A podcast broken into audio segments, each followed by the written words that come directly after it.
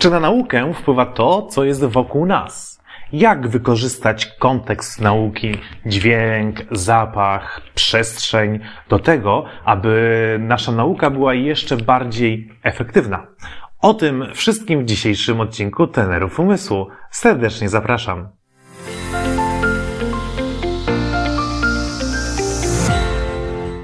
Cześć, nazywam się Bartłomiej Boral i wraz z moim bratem Tobiaszem jesteśmy pierwszymi w historii reprezentantami Polski z Mistrzostw Świata Pamięci z Guangzhou z Chin, autorami książki Techniki Zapamiętywania i twórcami szkoły Best Brain Nowy Wymiar Edukacji.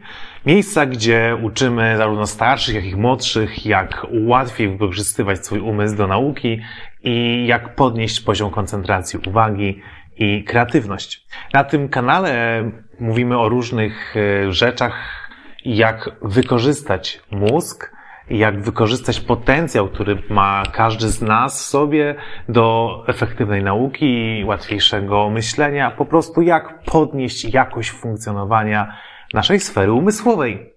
W dzisiejszym odcinku e, będę chciał zastanowić się nad tym, e, jak kontekst nauki wpływa na samą naukę. Bardzo często słyszymy taką, e, taką zagwostkę, czy dobrze słuchać muzyki podczas uczenia się?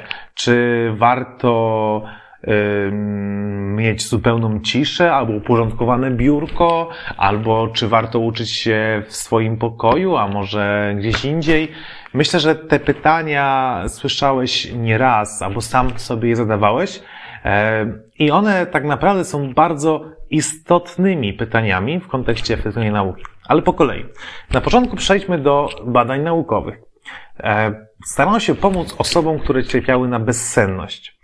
I stwierdzono, że problem w ich bezsenności może wynikać z tego, że mózg nie traktuje łóżka jako elementu, który odpala pomysł, ok, teraz jest czas na sen. Dlaczego tak się działo? Ponieważ osoby te, kładąc się do łóżka, przeglądały smartfona, czytały książkę, e, może rozmawiały ze swoim e, małżonkiem, małżonką e, i mózg nie miał takiego przełącznika łóżko, znaczy sen. I poproszono te osoby z bezsennością, aby kładły się do łóżka tylko wtedy, kiedy czują senność. Jeżeli nie czuły tej senności, mimo że była już późniejsza godzina, e, proszono, żeby w takim wypadku zmieniały pomieszczenie, w którym się znajdują. I po pewnym czasie te problemy z zasypianiem znikały. E, to znaczy, im się o wiele łatwiej zasypiało w łóżku, bo mózg zaczął traktować, ok, łóżko to jest jasny sygnał, że teraz mam zasypiać. Może wydaje się to bardzo banalne, E, i wynik tego eksperymentu, ktoś powiedział, mógł być do przewidzenia. Ale to tylko potwierdza, że kontekst dla naszego mózgu jest bardzo ważny, że nasz mózg potrzebuje pewnych e, bodźców zewnętrznych, które pomogą mu skoncentrować się na konkretnej jednej czynności.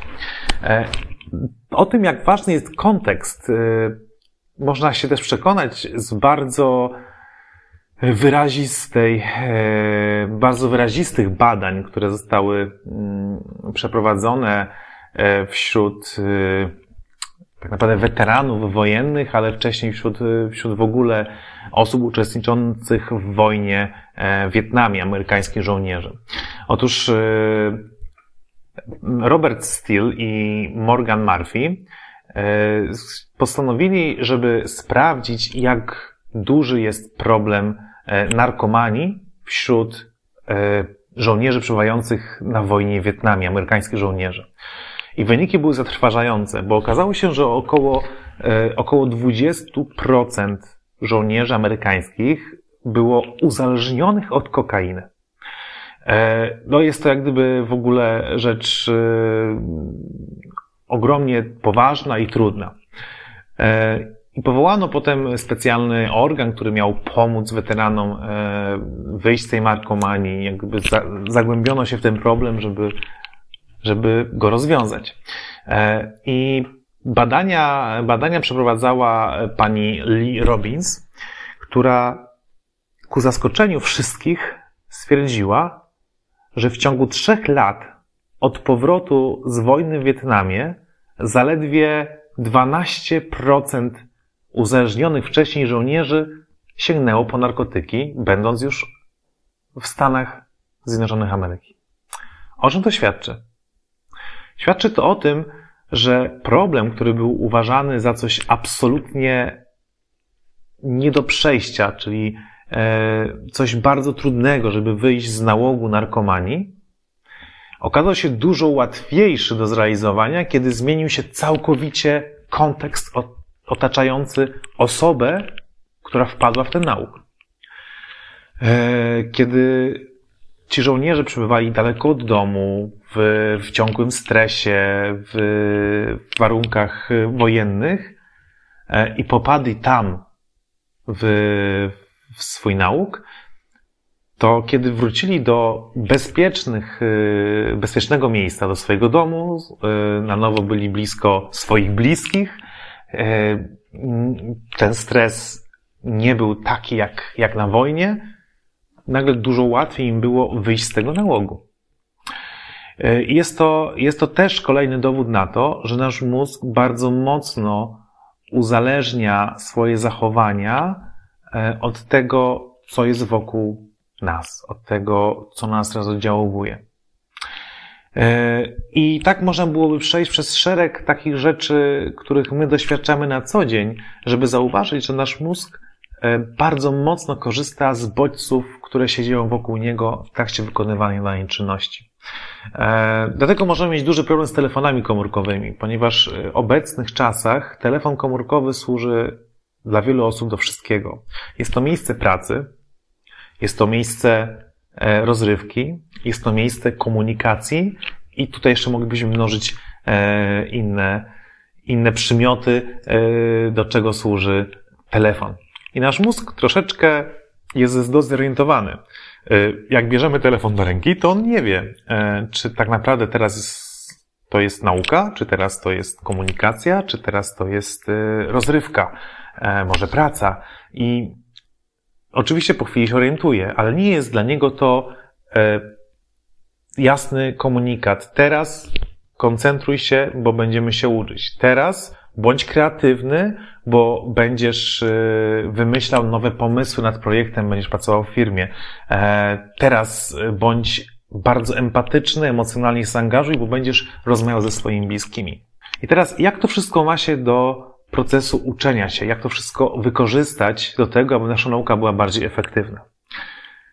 Po prostu zadbajmy o odpowiedni kontekst nauki. Co znaczy odpowiedni? Pierwsza zasada, o której już wspominaliśmy na tym kanale, Ucz się w takich warunkach, w jakim Twoja wiedza będzie egzekwowana. Jeżeli uczysz się do egzaminu, który będziesz pisał w ciszy na studiach w szkole, ucz się w ciszy. Jeżeli uczysz się języka obcego, którego chcesz e, korzystać podczas wyjazdu za granicę, komunikując się w sklepach, na dworcu, na lotnisku, to ucz się tego w szumie. Ucz się słówek, najlepiej pojedź na lotnisko e, w swoim mieście albo, e, po, albo spaceruj sobie po centrum handlowym i tam ucz się tych słówek. Twój mózg dużo łatwiej będzie przypominał sobie odpowiednie słówka, jeżeli będzie się uczył ich w takiej sytuacji, w jakiej potem będzie chciał sobie je przypomnieć, kiedy będziesz ich potrzebować. E, no tak, oczywiście nie zawsze możemy przewidzieć, w jakich warunkach będzie nasza wiedza egzekwowana, ale możemy tutaj sobie pomóc właśnie w ten sposób, jak powiedziałem. Na przykład przygotowując się do wystąpienia na jakiejś konferencji, warto e, po prostu stanąć przy czymś, co będzie wyglądało jak, jak pulpit, na czymś, co będzie wyglądało jak scena, z której będziemy przemawiać e, i, i rzeczywiście uczyć się wystąpienia, chociaż trochę w warunkach podobnych do tego, w jakich rzeczywiście będziemy to wystąpienie przeprowadzać. No dobrze, ale to nie wszystko.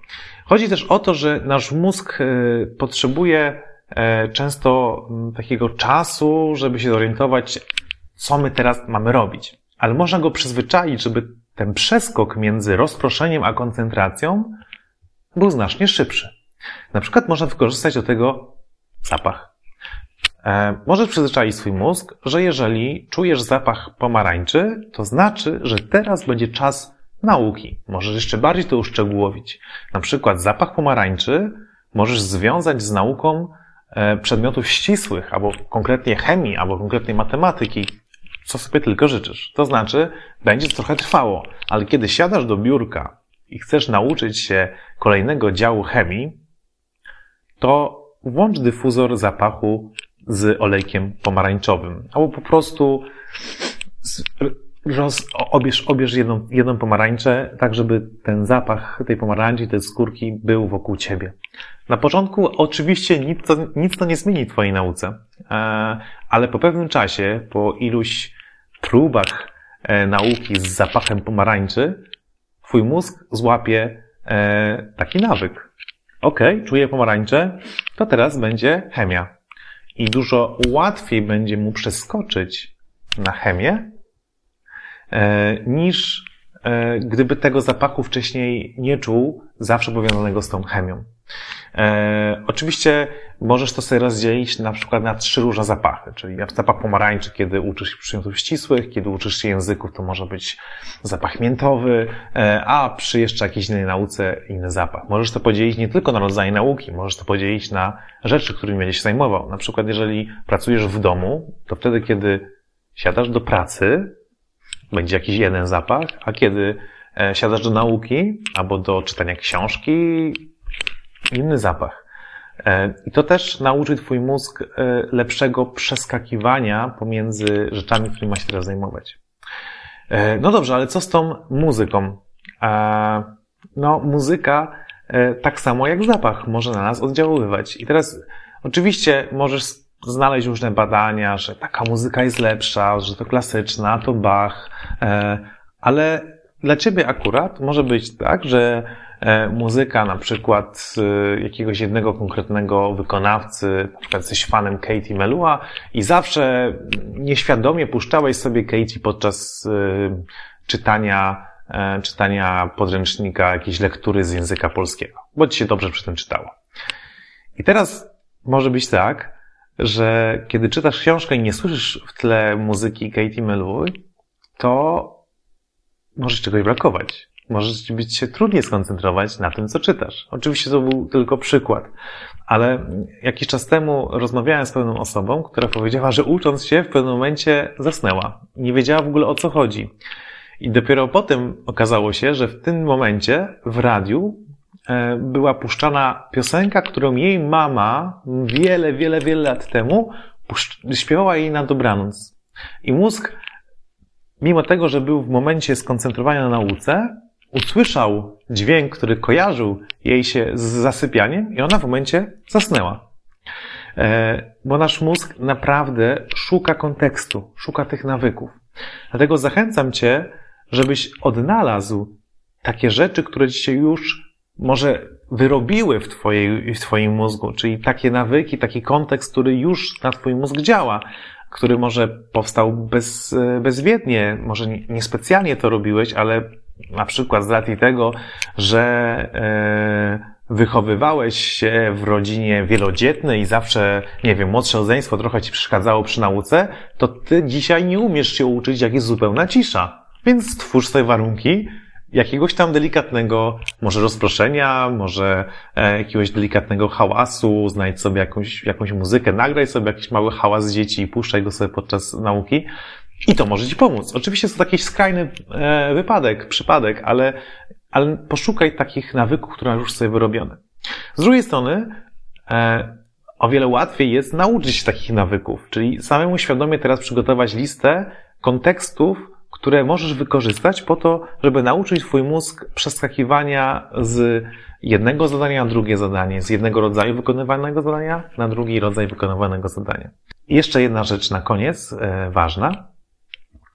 Możesz też e, wykorzystać ten zapach już podczas egzekwowania wiedzy. To znaczy, jeżeli przyzwyczaiłeś swój mózg do tego, że uczysz się chemii przy zapachu pomarańczy, to postaraj się, byłoby to cudowne, gdyby udało Ci się podczas egzaminu z chemii też czuć ten zapach pomarańczy. Powinno to bardzo mocno pomóc Ci odtworzyć wiedzę, której się uczyłeś, a tylko za pomocą tego zapachu. Oczywiście to nie działa jak jakaś magiczna różdżka, że po prostu będziesz siedział i czytał książkę z chemii, nie korzystał z żadnych metod nauki efektywnej e, i, po prostu będziesz sobie czytał tą chemię przy zapachu pomarańczy i potem jak uczysz pomarańczy, to będziesz wszystko już pamiętać. Mam nadzieję, że to dobrze rozumiesz. Chodzi o to, że jeżeli dobrze się nauczysz wykorzystać metody, na przykład te, które uczymy na naszych kursach Best Brain, Nowy Wymiar Edukacji i aktywnie powtórzysz tą wiedzę i przy tym wszystkim będzie twój mózg czuł zapach pomarańczy, to potem, kiedy poczuje ten zapach pomarańczy, może dużo łatwiej przypomnieć sobie te elementy, których się nauczyłeś. Zachęcam Cię, żebyś napisał w komentarzu, jakie konteksty nauki albo innych czynności, które wykonujesz, znalazłeś u siebie, że może bezwiednie nie jesteś w stanie e, pisać programu komputerowego, jak jesteś informatykiem, jeżeli w tle nie słyszysz jakiegoś konkretnego rodzaju muzyki, albo nie umiesz uczyć się siedząc przy biurku, bo przyzwyczaiłeś swój mózg do tego, że uczysz się chodząc. E, Zachęcam Cię do tego, żebyś chwilę się nad tym zastanowił. Napisz w komentarzu, e, jeżeli coś fajnego e, wymyślisz, zobaczysz, spostrzeżesz w swoim dotychczasowym zachowaniu. Pozdrawiam Cię serdecznie, trzymajcie się, wszystkiego dobrego, cześć!